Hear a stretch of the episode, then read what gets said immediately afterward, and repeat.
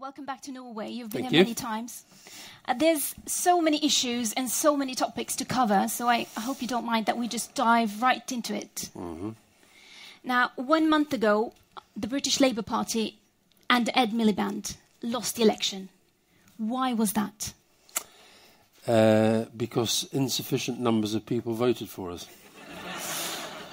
uh, and that is down to them and the decisions that they make. And as you know, politics ultimately is about individuals making very individual decisions. But I think if I had to try to alight upon the strategic and other questions, I think that if you are in an election campaign, uh, if you're behind on leadership and you're behind on the economy, you're always going to struggle. Um, and we were behind on both. And the thing I would say, being very frank, is that I think we contributed to both of those things, particularly on the economy. Because the reality is that for various reasons, which I sort of understand, but the Labour Party under Ed just did not defend Labour's record under Tony Blair and Gordon Brown. And I think that was a mistake.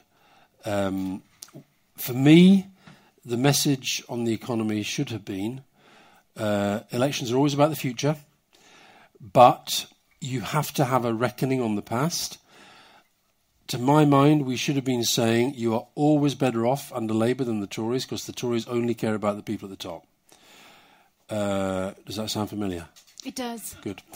Um, you, we had 10 years of growth and prosperity, which ended badly because of the crash. And the idea that the crash was caused by Gordon Brown uh, overspending is a complete and utter nonsense. And we could have had a much more nuanced argument. Instead of which, we played it because we kept saying, possibly rightly, but we kept saying we didn't regulate the banks properly. I think we can accept that. But what that did was fuel the idea that these attacks against us on the economy were actually sound. So the public ended up, the undecideds, and remember elections, you've got Labour people, you've got Tories who are always going, to, I'll always be Labour, um, but you've got the undecideds who move around, and they, in large numbers, bought the idea that we were to blame for the economic crash. And I don't think we recovered from that. Um, and on leadership, I mean, I don't I don't like David Cameron. I don't think he's been a very good prime, minister, but he sort of looks the part. People don't look at him and think it's absurd that you're the prime minister. Um, and Are you saying that people looked at Ed Miliband and thought it's absurd that you can become prime minister? I think a lot of people didn't get over the idea at the start when he became leader that, if you like, we'd picked the wrong one. Um, and I'm just telling the truth there. That's what you you have to listen to people. You don't just listen to them during election campaigns. Listen to them over the parliament. And I mean, I, I, one of the reasons I was I was here today um, was to talk about my new book, Winners, which is meant to be here. And if I can look down the camera, and if Random House are watching, you fucked up again. because the books aren't here. Um, so I hope you didn't come to buy a book because you can't get one. Um, but one of the reasons I wrote that book was actually to point out people keep talking about learning the lessons of defeat, okay? Learn the lessons of winning, learn the lessons of victory, learn about why winners have won. And we've got ourselves in Britain in this absurd position where Tony Blair, yes, Iraq was controversial. Yes, people, some people look at him and think you're too suntanned and you make too much money. But he was a complete and total winner. He was the most successful election leader we ever, election winner we ever had. And we've got ourselves in a position where you can't talk about that because it's, you know, so we're now having a, a debate. I mean, I said after we lost, I said, let's have a proper debate about why we lost. Instead of which, we rushed straight into a leadership election, which is a substitute for a debate. It becomes a personality contest about who's going to be the next leader. And the reality is, I'll tell you how you win elections. Yes, it's down to the people in the end, but I'll tell you how the parties have to give themselves the best chance of winning election. You have to have a good, strong leader who can appeal to people in the business community and who can appeal to people who are unemployed and to the cleaner and the porter. He's got to be able to appeal across regions and across, across classes. You've got to have a clear, compelling strategy that is thought through, that is tough, that addresses all the internal arguments and dynamics and resolves them. That's what New Labour did. You have to have a team of people who are the best at what they do. You have to go out and get them because politics is tough and it's really, you know, you need really good people. You then have to motivate and inspire people at every level of, your, of, of the organisation and around the country to get involved. You need policies that speak to people's lives and that are realistic and credible. You need innovation. You need resilience. Once you've got all that stuff, you still might lose. But if you don't have that stuff, you've got no chance of winning. But when you're saying this now, it's sounding obvious. But at election day, he wrote a blog saying why Miliband would win, should win, and why Labour victory was good for the country. Well, Labour victory would have been good for the country. right? It didn't happen though, and It why were happen. you wrong? I was wrong. I probably wasn't wrong because do you know what happened? I'll tell you what happened. no, I'll tell you what happened. In that, did I really think that? I thought it as I wrote it. Deep down, did I really feel it? I was in the BBC studio when the exit poll came out. Okay? We'd spent the last few days of the campaign, because of the polls and because of the messages we were getting back from the country, all the, the constituency organisers, we honestly thought we were on for being the second largest party, but with the Conservatives unable to form a majority. And if you can't form a majority, it then goes to the second party in our, in our constitution. And then he can go out and try to build the alliances needed. And because we had this situation with the Scottish National Party, where Ed had made clear we weren't going to go into coalition with them, but they had sort of made clear they'd rather have a Labour government than a Tory government, we thought that might work. Now, looking back, I don't know why I thought that could happen. Um, but it was the polls, and I'll tell you, you've got to be really, really careful about polls. And here's a, here's throw this out for you because you're at the stage now where you've got to start. You've got your regional elections coming up, and then you've got your general election after that. You've got to start framing the question for those now, because what happened was the the the the, the perfect question for us, for the framing of the campaign, would have been, given all the bad things they've done, does David Cameron deserve another five years? Most people would say no to that. Okay, what the framing question became was. Is an Ed Miliband led minority government propped up by the SNP a stable form of government? And guess what? A lot of people said no. And that was driven. And to be fair to the Tories, I mean, I've written, I've written, I've got a real dilemma, right? Because I've written in the chapter on strategy in the book why David Cameron, even though he was prime minister, is actually a loser. Because he should have won the last election with the majority, 2010. And I explain why he didn't. And I say it's because he wasn't clear about his strategy. Well, he's won this one. Now, do I update the paperback and call him a winner? This is a difficult question for me. I've decided that what I'm going to say is it wasn't so much that he won, but we lost. And I think that's true. He's certainly not going on the front cover along with Nelson Mandela and Angela Merkel, that's for sure. So it's a very, it's been very painful actually because I think we should have won. I think we could have won, and we didn't. And now we've got these people back for five years. And do you know what? I don't think we're at the bottom. I think things could get worse because Scotland. I was in Scotland at the weekend. I was walking down the road with my brother. This traffic warden. I mean, you've just got to be really careful about how quickly things move in the world now. When people say nothing ever changes, my God, Scotland is, you know, all my life has been a, a Labour country, okay? And that's one of the reasons why it isn't anymore, because we all sort of slightly took it for granted. So I'm walking down the road with my brother, and this traffic warden comes over. Very nice guy. He says, Oh, hello. Shakes hands. Nice to see you. Good to see you keep coming back. And da, da, da. He says, You do know you're absolutely finished here, don't you? I said, Well, that's a nice thing. Well, why do you say that? He said, I say it because you are. He said, I've voted Labour all my life, and I'm telling you, you're finished. Because we've got an alternative now. England doesn't have an alternative. UKIP's not an alternative. They're just, you know, nasty, right wing, da da da da. But if they've got an alternative, you've got to watch out.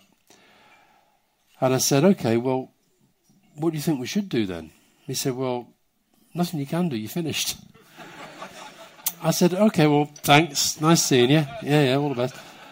Um, now, I don't think it's necessarily true, but I don't think any political party in the modern world should, should think that it has a kind of divine right to exist and a divine right to get into power again. Um, and, and, and, and what I was hoping in doing the book at the time that I did, for me, it was a loyal way. I didn't, there's not a word of criticism of the Labour Party in there, right? It was a loyal way of saying, forget all this talk about the lessons of defeat. Look at the lessons of winners. Look how they do it strategy, teamship, leadership, innovation. I'll tell you the other reason why I was wrong. Is this is a really important point about data and polling, because when I did the book, I, I love all sport. Okay, I'm obsessed with sport, and I'll let you into a little secret. The reason I'm here tonight is because I'm a friend of Jan Åge and Per Mathias Høgmo and I'm going to see the match tonight. Okay, that is, and I thought I'd fit in a little bit of a chat with you guys. Okay, that's why I'm here. Um, but sports people, to me, the top end of sport, they've got more winning mindsets than most people in politics. The the best ones are brilliant on strategy. One of my favourite chapters in the book is a discussion with Jose Mourinho about what strategy means. They're self evidently better at teamship. Okay? When I watched Barcelona play the other night, or when I saw that Juventus goal, that is teamship, right? And sometimes in politics, the 1997 campaign, we felt like Barcelona against Rosenborg. Okay? That's how it felt. That was for your colleague deputy. Because he never stopped talking about them at lunchtime. Um, I liked his commitment. So that's how it felt. And politics, to my mind, is uniquely bad at teamship. So that was another lesson I wanted to put out there and say, look, can we please remember what Harry Truman said? It's amazing what a small group of men can achieve provided nobody cares who gets the credit. Right? But if you're comparing uh, politics with teamship and football, I have to ask you, which one of the players in the British Labour Party would you take off the field? The ones now? Uh, none of them. None of them. But I'll tell you what I will say is if I go back to the Blair Brown era, you see, this thing about teamship is so important. Tony, I think, is, is when John Smith, who was Tony's predecessor, when he died, the day if you'd have said to most people in the Labour Party the day before he died, who's the next leader of the Labour Party, most people would have said Gordon Brown. Okay? Because actually, they didn't have to think about it. John Smith wasn't dead. He was there. He was leading the Labour Party. When John Smith died, within minutes, people were saying, it's got to be Tony Blair. Because they saw something in him. And I do think that, I mean, Gordon was brilliant in lots of ways. But if, t- if Gordon could have reconciled himself to the idea that Tony was the right leader, and he was the right chancellor, and they were a fantastic, formidable team. And the team around them, me and Peter Mandelson and all these other people, that we were there with, I think we'd still be there. I honestly do think we'd still be there. Because the Conservatives do not have a better agenda for Britain. And that's what I find so depressing about it. But if you don't mind me saying so, you're sort of dodging the main questions here, oh. and we can leave we can leave the player question out of them. Um, no, there's nobody to take it. There's nobody to take out. I don't want to listen. But the teamship is not working. No, the teamship the teamship could work. It's, it's difficult for teamship when you're in the middle of a leadership election and they're all pretending to be different. Okay, teamship to me, I'll tell you what teamship means. It means when you've got a strategy that everybody kind of understands and buys into, and then they take it out and they all know their role. So, for example, the team in the book, the two campaigns I've, apart from our own, the two campaigns I've written about most are Obama 08 and Modi. The Modi campaign in the Indian elections last year was incredible. The most impressive election ever, in some ways. He did things which we have never thought about. Do you know about the hologram? He's in the Guinness Book of Records already for having been done the most hologrammed event ever spoke to 1.7 million people at the same event through a hologram all around the country. Good idea. Maybe Norway, don't know. India, big country. But the thing about those campaigns is that when I talk about teamship, it's about building a team of people that the leaders will never necessarily even meet or know exist. Too much of politics is about saying, right, there's the leader, there's the people at the top, and we decide everything. Fine. You do decide the strategy, definitely. But then your purpose has to be to get that strategy out through the entire country so that everybody understands what the strategy is, so that you've then got people in every workplace, on every bus, on every train. You sit on a train, you hear two people saying, Oh, that blooming Jonas la doody da da, I don't like him much, he's this, he's that. And there's somebody there saying, Excuse me, I know all about that, I know about him. I'm, I'm this, I'm that, I'm, I'm involved in this. And the thing about the Obama campaign in particular, people focus on all the, the fundraising that went on. I'm not saying that wasn't important. Fundraising on social media was important. But the real genius of their campaign was to use social media to find supporters that they then turned into activists who became part of the team and they knew their role. And I think in, in sport in particular, in business because it's more hierarchical, in politics it's different. And I think it's because politics, politicians, when you decided to become a politician, that's a very individual decision. You joined the team, but you're an individual. And you're not a human being if you don't also think about your own ambition from time to time. Okay? Everybody does that. But actually, the, one, one, of the reasons, maybe this is why I be, never became an elected politician and did it as I I've done it, is that I am a real team player. That's why I love sport. I love being part of teams. And I wasn't, I didn't mind subsuming my ego, which is large, my ambitions, which are large. I didn't mind pouring them into the idea of the team. And I just wish more of us did that. How many years have you been an advisor to the Labour Party? Um, well, I was. I mean, to be honest, are there any journalists here? There's some journalists here. Of course, there are. Okay. Uh, I was never really a proper journalist. I was a journalist. I told the truth as best as I could. I didn't make up stories like today's journalists in Britain do. But I was very, very biased in favour of the Labour Party. So I would say advisor before I became. And you, during this campaign? no. Did they just not follow your advice? T- sometimes they did, and sometimes they didn't. I think on the economy, on the economy they didn't. Scotland they didn't. On foreign policy they didn't. On stuff like how to do the interview well.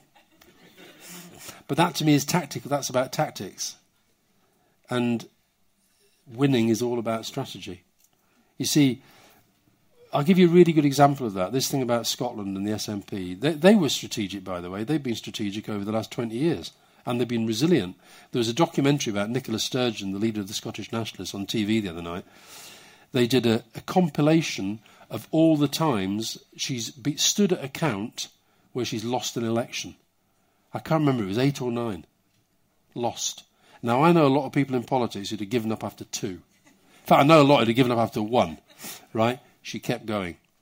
And she made the weather in the last election. So what happened was that when the polls started to say this is looking like Labour minority government with the SNP, the Tories, fair play to them from a kind of brute force strategy point of view, they ventilated that for all it was worth. They did a poster of, Ed Milib- of, of Alex Salmond, the former leader of the SNP, with Ed Miliband in his pocket. They did one of Nicola Sturgeon with Ed Miliband in, his, in her handbag. Powerful images, and the message was economy and leadership. Do you want Ed Miliband as a leader of a minority government propped up by the SNP, or do you want David Cameron, whether you like him or not, at least he looks the part? Economy, these are the guys who crashed the car, brackets, and we never rebutted that, brackets. Do you want to, them back in charge, propped up by a woman who's more left wing, wants to tax more, spend more, borrow more? So it played into their strategy. The tactics and the strategy came together, and that's when that's when it works. Why did you read that blog? Why didn't you read the more recent blogs that have been much more, much more reflective and? So, if you were to sum up what the British Labour Party has to do now, what would you say? What's your advice? Um, one, understand the scale of defeat. Don't do what we did last time, which is basically think, oh well, that didn't go very well. Let's sort of, you know, get a new leader and hopefully it'll go better have a proper understanding of why we lost. And I don't think it is about. You've already got people saying we weren't left wing enough. Uh, we didn't do some of those things that I talked about. We we, we didn't have a clear strategy on the economy. Um, so you've got to get the right leader. I, I am going to be saying in uh, if I've done an interview with the Times, which is coming out sometime this week, and I do think that you see you've got to remember about this. This is the Labour Party electing the person that we're saying to the public, you should elect this person as your prime minister. That's quite a big deal, right? That's how we should see it. And I'm going to say that all of the people who are on the ballot paper at the moment, they might be a good prime minister. But I think it's very, very hard to make that judgment based upon we, what we know of them so far, because it's such a step up. Therefore, I think when they're elected, they should commit to having another reconfirmation process later in the Parliament. Because if we're, if we're not winning, if we don't look like we could win, then you have to do what sports teams do you make change. And for two elections in a row now, we've gone into the election with lots of us talking to each other and saying, mm, this isn't going very well, I'm not sure. Mm. And then going out to the public and saying, this is the right guy and this is the right strategy, and you know, you're just wrong to think what you think one of the first rules of elections. Shall I tell you my rules of elections? Go ahead. One, if you see fruit, eat it. Two, if you drink water, drink it. If you see water, drink it. Three, if you see a bed, sleep in it. And then. Four, the public are never wrong, mm. even when they are. You worked with Tony Blair for many years. What would you say that makes him a different kind of leader compared to Ed Miliband? I don't think it's fair to compare him to Ed. I'd rather. Uh, can I rephrase your question? Please do. I'm curious. No, just what what what what made Tony a very, I think, a very special kind of leader. Okay. Um, strategic mind, bold, saw politics as being about, you know, I'll give you an example of his boldness. We won in May, 9, May the 1st, 1997. In my diaries, copies of which should also be here, but aren't. Useless bastards. Uh, hi, Najma. Um, the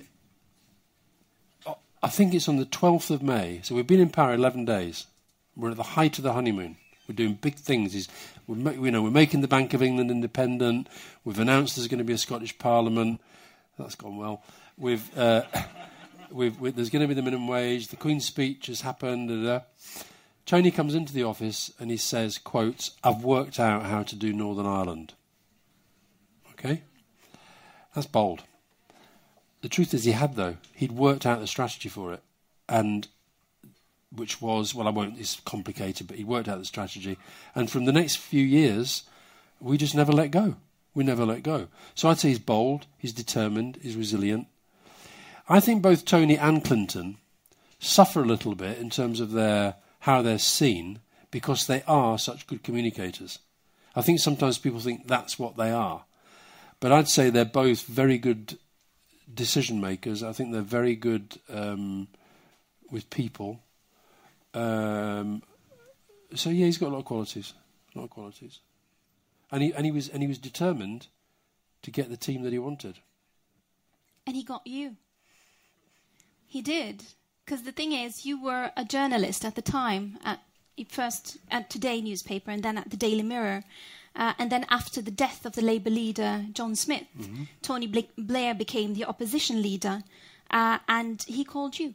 Mm-hmm. And as a matter of fact, he actually went to southern France to meet with you and convince you to be a part of his team. And Neil Kinnock warned you against doing that, but you still did it. Why? Um, well, actually, it's even more complicated than that. He asked me to do it, and I said no. Um, I didn't really mean it, though. It was a bit like the blog. Uh, I don't want you to think that I always say things I don't mean, because it's very rare that I say things I don't mean. But I, I, I sort of felt. Do you know it's really strange, this? Um, when John Smith died, I was I was a journalist, and I used to do this thing on the television every Thursday morning. I think it was. I used to do a paper review at the BBC, and you had to go in at four in the morning and read the papers and do this sort of thing and write a script and blah blah blah. I'm getting a, a car. I'm getting driven back to the office after doing this. So it's sort of re- still reasonably early in the morning, and I got a phone call from somebody actually later worked for me, who at the time worked for John Smith, and I could tell in her voice that something really bad had gone on. And she said, "Have you heard about John?" I said, "No." What? She said, "What is?" It looks like he's had another another heart attack, and uh, so I could I knew she was actually telling me he was dead. And the thing is that I instantly knew Tony Blair was going to be the next leader and I was going to work for him. I just knew it. It was like I could see it clearly. And then I didn't. T- uh, I spoke to Tony and to Gordon and to lots of them in the next few days. Um, and that night, I was doing a tribute to John Smith. Did, everybody was doing all these tributes on the television. I was doing one on Newsnight, BBC Newsnight. And I said to them, I'm only doing this if you don't ask me about the future. I'm only doing this as a tribute to John Smith. I'm not saying anything about the leadership, okay? And they said, fine, yeah, fine, fine, fine. Live television, end of the interview. Final question who's the next leader of the Labour Party? And it, it was just an instinct. I just said, Tony Blair, like that. Now, Gordon, to this day, thinks that was part of some plan. It wasn't. It just came out.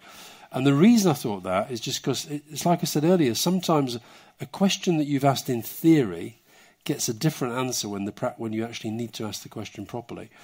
So he then asked me to work for him. I said, my, my partner Fiona was totally opposed to it. Mo- my parents were opposed to it. Most of my friends thought I was crazy. And there's a bit of a background to this because I'd, in the 1980s, I'd had a kind of very, very bad breakdown and I had a drink problem.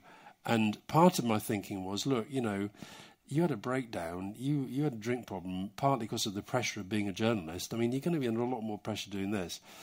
And Tony came down. Tony got an instinct.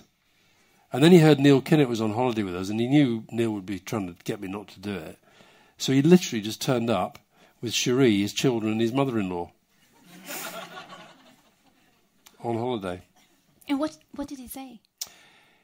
He basically I had Fiona, my partner, and Neil in one room trying to get me not to do it, and Tony and Cherie in the other room trying to get me to do it. And I'll tell you the thing that convinced me. It was back to the boldness point. I just thought, and you know this thing. I've written I've written a chapter in the book about visualization, and based on the fact that I played football with Diego Maradona, who taught me about visualization. I mention that every day of my life, by the way, several times. I played football with Diego Maradona.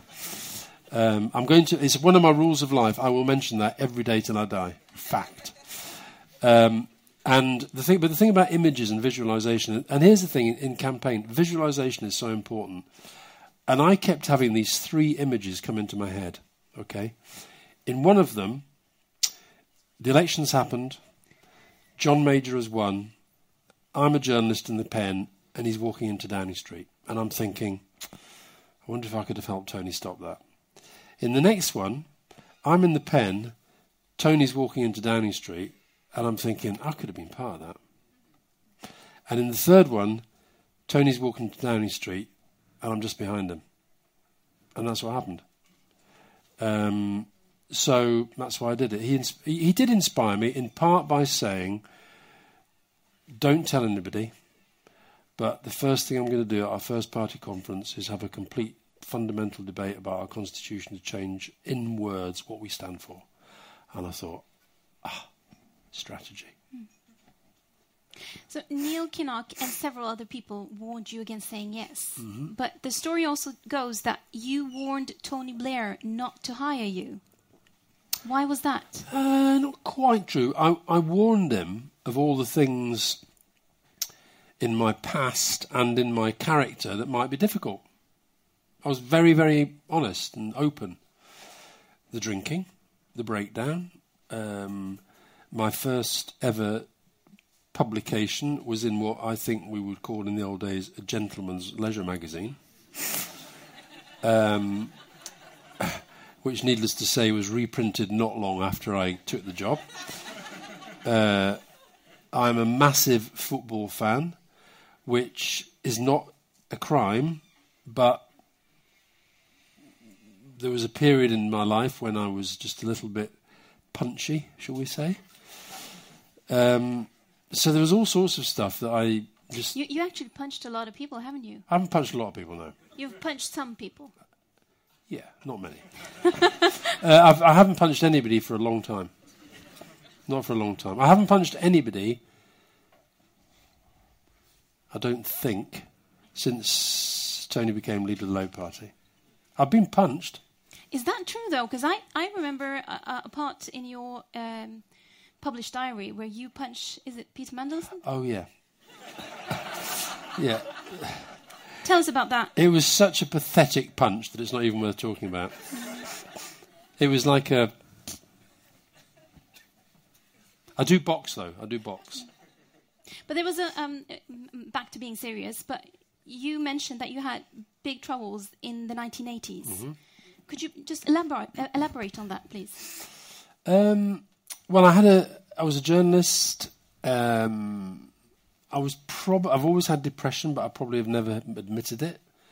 And I think I used to drown it in alcohol. But because I've always had one of my best friends at university once told Fiona, when she was first getting together with me, she says, You've got to watch out because he's got demonic energy. Okay? I do have a lot of energy. Um, but I, so I, I, don't think people noticed because I was so energetic. Fun enough, even, even when I was depressed. And I'm, I mean, I'm not. I've never been um, classified as bipolar, but I do go through these kind of absolute depths of depression and periods of just ridiculous energy. And sometimes they're linked. So, for example, last week a friend of mine died. Uh, some of them you may have known Liberal Democrat former leader Charles Kennedy died of alcoholism, and I've been. I can't tell you how many thousands of words I've written about different things since. Lots of them tributes to him, but I've also just I get I get I get energy in grief. I get energy in in being down. I think it's the way I deal with it.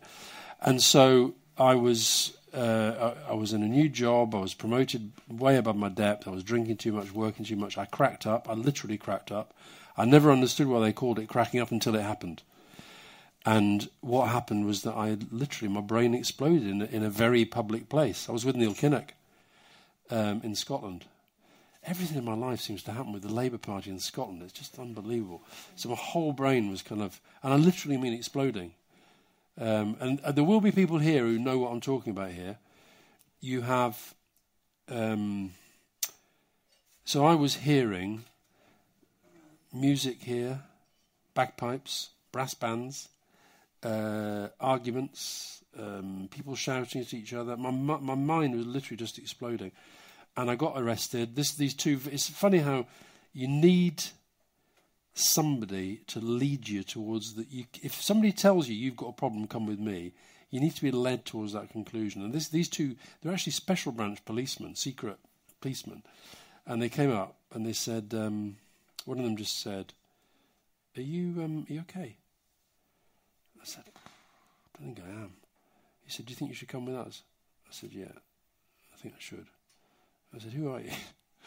Uh, and they arrested me for my own safety took me away, locked me up, uh, and I was now in complete total meltdown.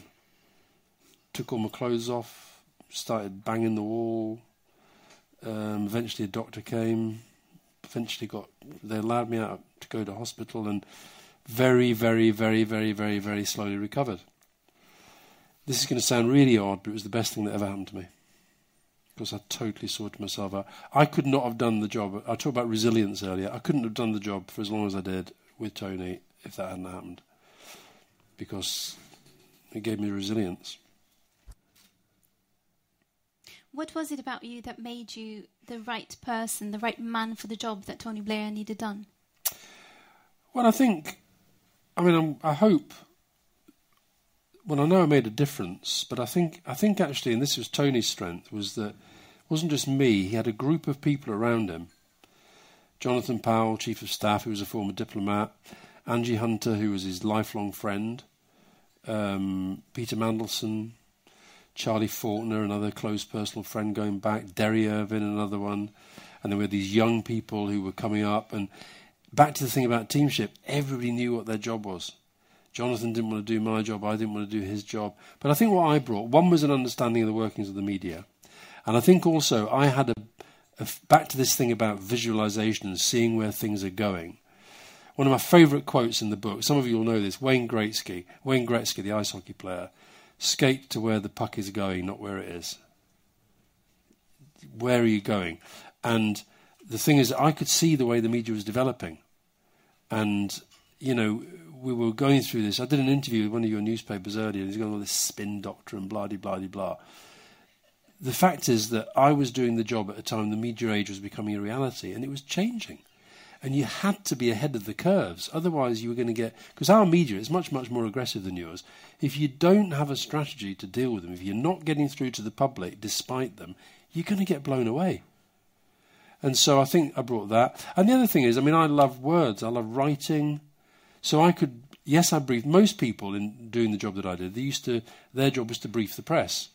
My job was to brief the press, but I was also a speechwriter. I was a strategist. I did all these different things, and and I think the other thing, if you're in a position of leadership, like, you know, whether it's Jonas here, whether it's Helle in Denmark, whether it's Barack Obama, it doesn't matter. If you're in a position of leadership, you need people around you that you can totally trust, that you can admit when you're scared, you can admit when you're feeling vulnerable, you can, you can say, Did I fuck up there? And they're going to be honest with you. They're not going to say, No, no, no, it's really good. You're going to be honest. So I think I could bring bring all that hopefully, and um, and also my kind of passionate tribal belief in the Labour Party and what we stand for, hating Tories, especially when they win elections that they don't deserve to win, bastards. I'm sure you've given uh, Blair great advice many times, but if you were to like point out just for entertainment's sake um, or for learning what is what is the most rubbish advice you've given Blair? Oh my God! Do you know what? I think we did pretty well most of the time. Uh, worst advice I've ever given him. I tell you the one that came into my head when you said that. You know how sometimes with a speech, you know something like the economy, right? For most people, the economy is quite difficult and inaccessible, and, and trying to get the media to cover the politics of the economy. Never quite, never quite easy. And I once got him. He was doing one of these big white tie dinners to all the sort of e- economic and political establishment. I think it was at the Bank of England or somewhere. And um, he, we didn't really have a story. Okay, we didn't have anything new to say. So I said, so I, we're on the way there, and I and I said, um, I've written a line for you at the top, which I've briefed, and it's going to be like, you know. Uh, the media, the, the media have bought it. It's going to be the line, and and the line was, "Stability is sexy." so the speech was all about delivering economic stability.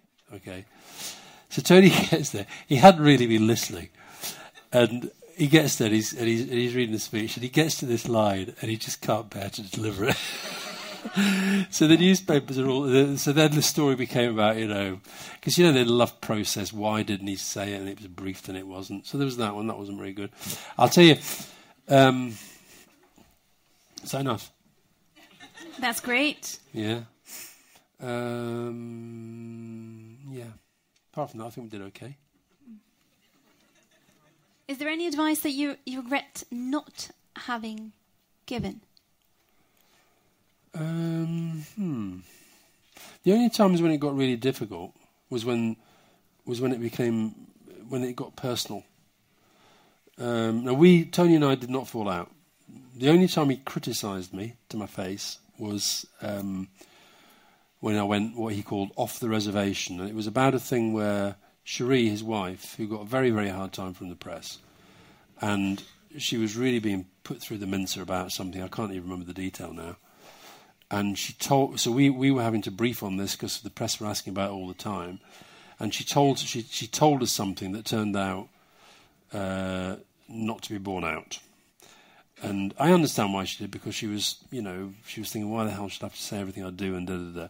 So we then briefed that no, no, no, that's nonsense, that hadn't happened. And it turned out that it did.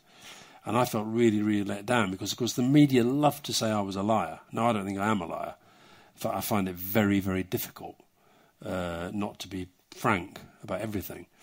So, and I just, I did go off the reservation. Um, but, so th- that was when it got difficult, was when it, when it was a combination of the personal and the political. But no, generally, I, mean, I wish I'd been more insistent.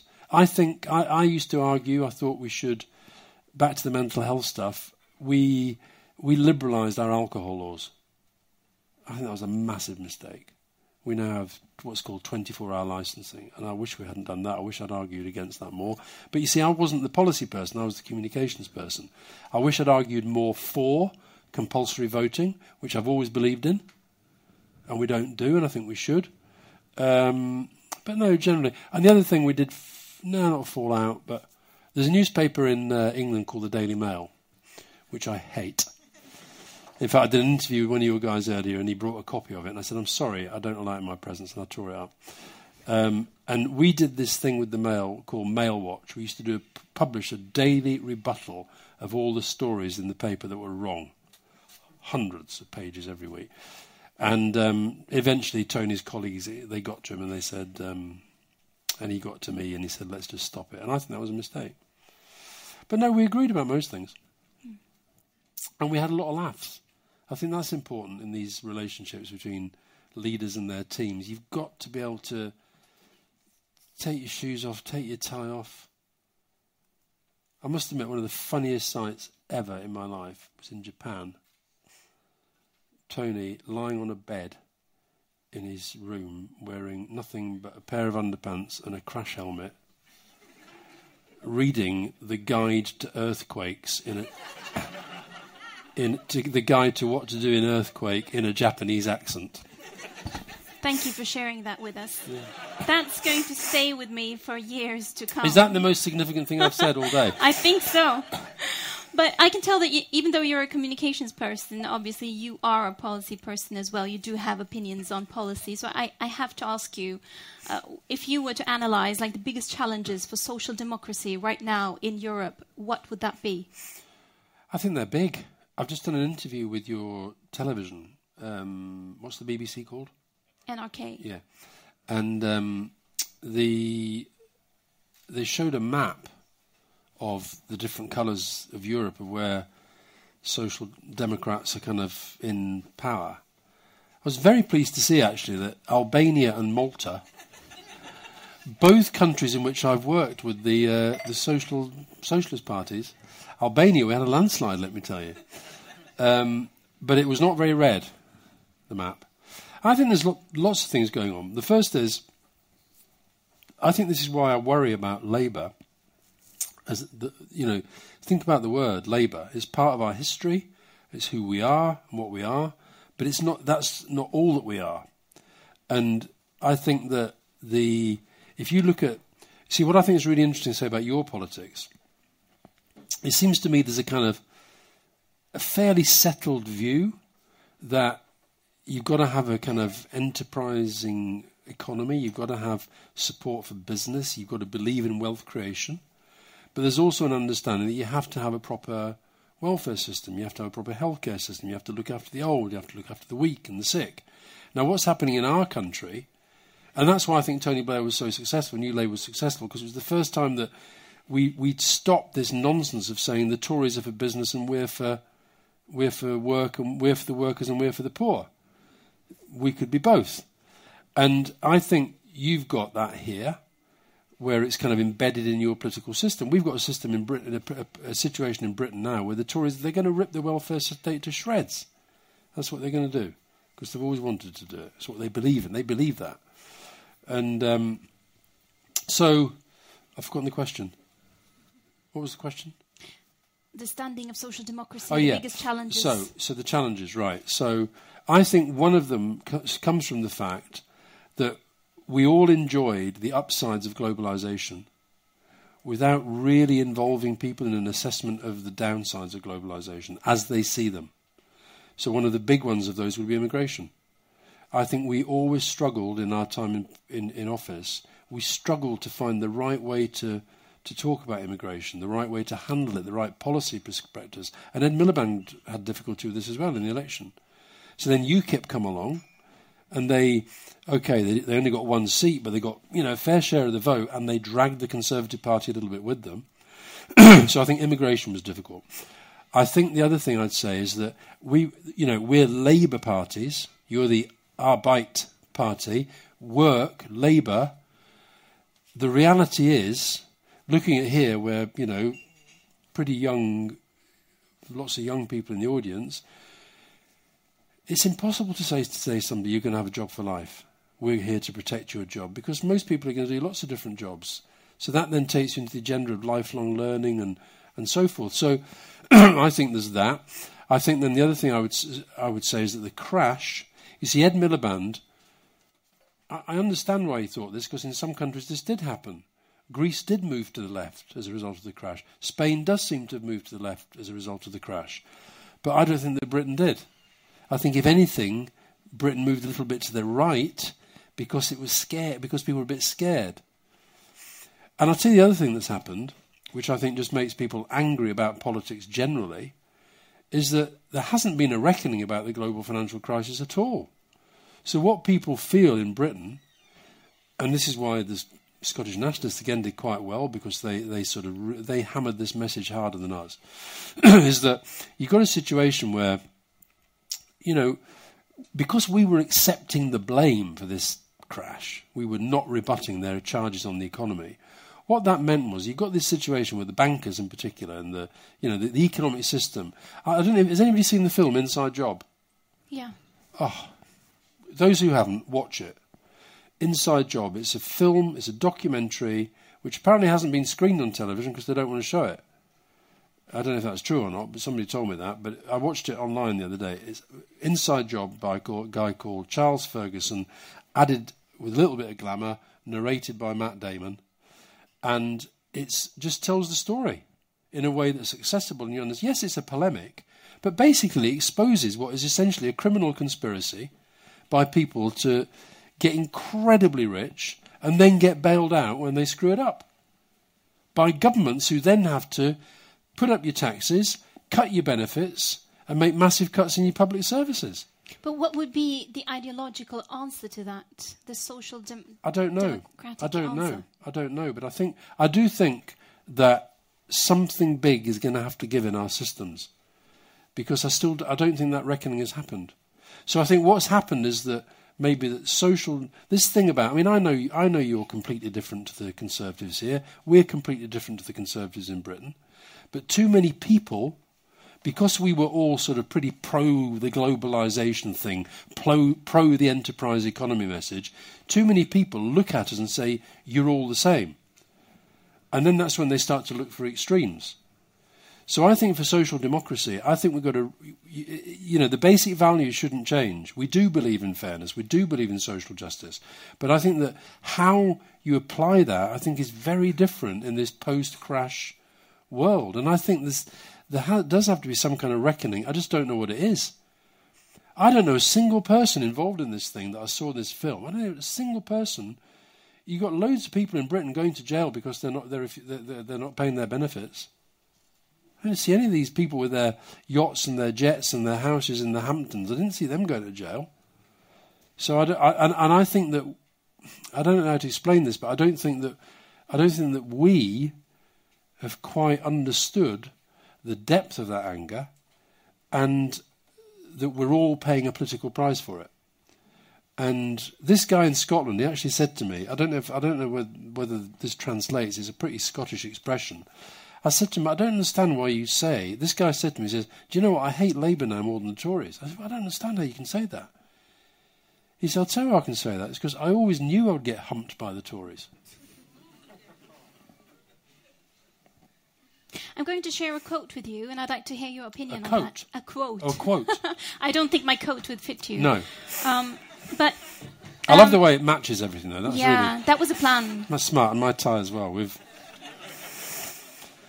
UKIP colours. Not very good for uh, somebody of Pakistani background to be wearing that, I'm telling you. No. Trying my very best to uh, deal with the immigration challenges. Dressing the part. Okay, The Guardian. Um, they wrote after the election, and this is the, qu- the quote Okay. Labour is a self consciously progressive party dominated by highly educated people who tend to believe that they see the world more clearly and understand people's interests better than they do themselves. The default instinct of both the educated and the centre left. Do you agree? I think there's a lot in that. I think there's a lot in that. I think too often we see. I think we, too often we see the world as we want it to be, rather than as it is. Um, I think that. I think. I mean, give an example. You talk about the ethnic minority, uh, ethnic minorities, and in Britain recently, uh, they just did a breakdown of the vote. One third of the ethnic minorities voted Conservative most Labour people look at that and say, how did that happen? Because they always voted for us. And I think that sometimes the ch- waves of change within the public happen faster than the politicians realise. And, and so I don't think it's a default position of social democracy. And I still think our values are better than right wing values by a long, long, long, long way. But I think we're kidding ourselves if we think either that the public are sitting there thinking there's any politician that's going to sort of, you know, say, address all of their challenges. And here's the other thing that I think is happening. And I had breakfast with, with your, your leader today. And I was really impressed by him. And I'll tell you why. Because when I, I meet a lot of political leaders and political campaigners and what have you, and, and, I, and I, I, talked, I just said to him, what do you see then? How do you see the election, this election panning out? And, and a lot of leaders would say, well, you know, we're going to, this is going to be our big message and we're going to invest a lot in social media and we're going to do, do, do, and, you know, move, get these bright guys in from this and that.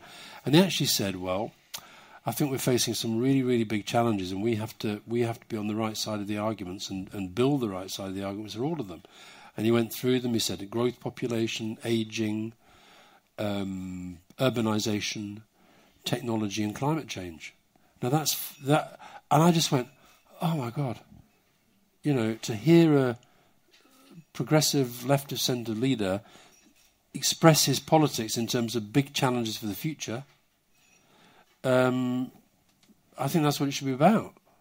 And so, and, and you see, the thing is, I don't think the public anymore will buy this idea of politicians standing up there and saying, vote for me, and you will have a job, and you will have a nice home, and your kids will all go to a great school, and when you get sick, you're going to be looked after, and the roads are going to be great, and we're going to have enough money to spend on the military, and we're going to do everything you need to do.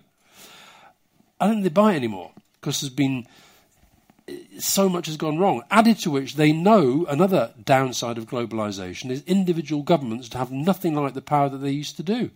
Corporations have lots of power. International institutions have lots of power. And so, far more, far better, I think, is a more honest dialogue with the public that says, "Look, I can't promise you everything. Vote for me, though, and I will tell you I think the big challenges are facing the world, and I'll tell you how I think I can address them, and I'll tell you how I think you can help me do that, because it's not just about me doing this alone. And I think that kind of dialogue just resonates with people much more than, you know, I'm going to do this for you, I'm going to do this for you. So I think the whole thing has got to sort of turn upside down, and um, and if it doesn't, I worry. And I'll tell you the other thing is, I think that democracies. I've written about this in the in the book as well. Don't get me wrong, sports fans. It's mainly about sport, but I've written about well, not mainly, but sort of fifty percent. But I've written about how I think democracies are operating at such a disadvantage to non democracies, let alone to terrorist organizations and the like, who can. I mean, just think about it. I used to think about this in the whole kind of, you know, when bin Laden was around. So there's us. Okay, we got battered for the whole communications over the Iraq War and so forth. Even though we took massive care about our communications, contrary to what people say, all bin Laden had to do was sit in a cave with a camera on a tripod, say something menacing, give it to a guy on a motorbike, who drove it to somebody else on another motorbike, and eventually get it to Al Jazeera, and it would dominate the media agenda for days. Right? It's hard to deal with that. It's hard to work against that when you talk about trying to get your message out. Those guys don't have any difficulty getting their message out. So I think that you've got to, I think we've got to be more honest and realistic about assessing our. We, we, we, I think we've just got, we're in a combination of the comfort zone and a feeling of sort of rampant superiority about ourselves when actually I'm not sure it's merited at the moment. Does that make sense? It does. And it does give us a lot to think about. And I would love to chat more about that. But I know that even though we're enjoying this, you really want to be somewhere else, don't you? Because the real reason you, you came to Norway was what was that? I've told you it's to watch football. But, but, but, but, that doesn't mean. What time's the kick-off? I hate soon. being I hate being late for the start of matches. I hate that. You know, Arsenal. Any Arsenal supporters here? Right. Well, can you explain to me why that second tier is always empty for ten minutes after half time? Anyway, now listen, Edina, stand up, Edina. That's Edina. She's jumping up and down. Wave your arm. We're trying our best on this nonsense about the books. I hope Random House are still watching. If you go to Edina and say, I would like three, there are three books available Winners and How They Succeed, which is my latest one, number one bestseller in the UK,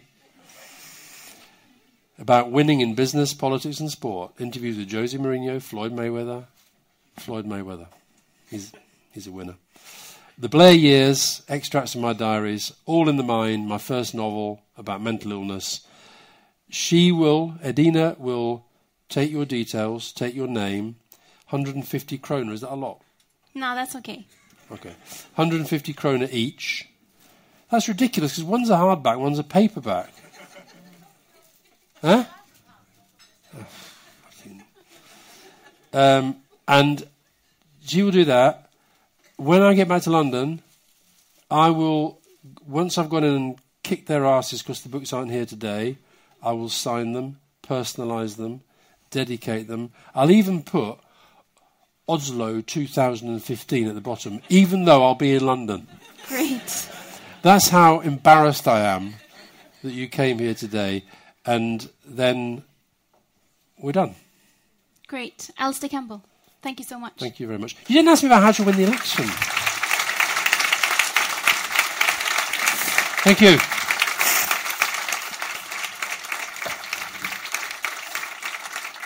Hold on, before you go, before you go, I, I do want to say one, one, one thing. Okay, I've thought about your election. How many people here are Labour? How many people here are from the other side? At least you're honest. You've all, you've all got beards. Right, you've got to campaign against on the grounds that you do not want a government run only by people with beards. Okay? No, so I'll tell you how I, th- I think. I think you can. I think no, actually, because they're here, I'm not going to say. Thank you very much.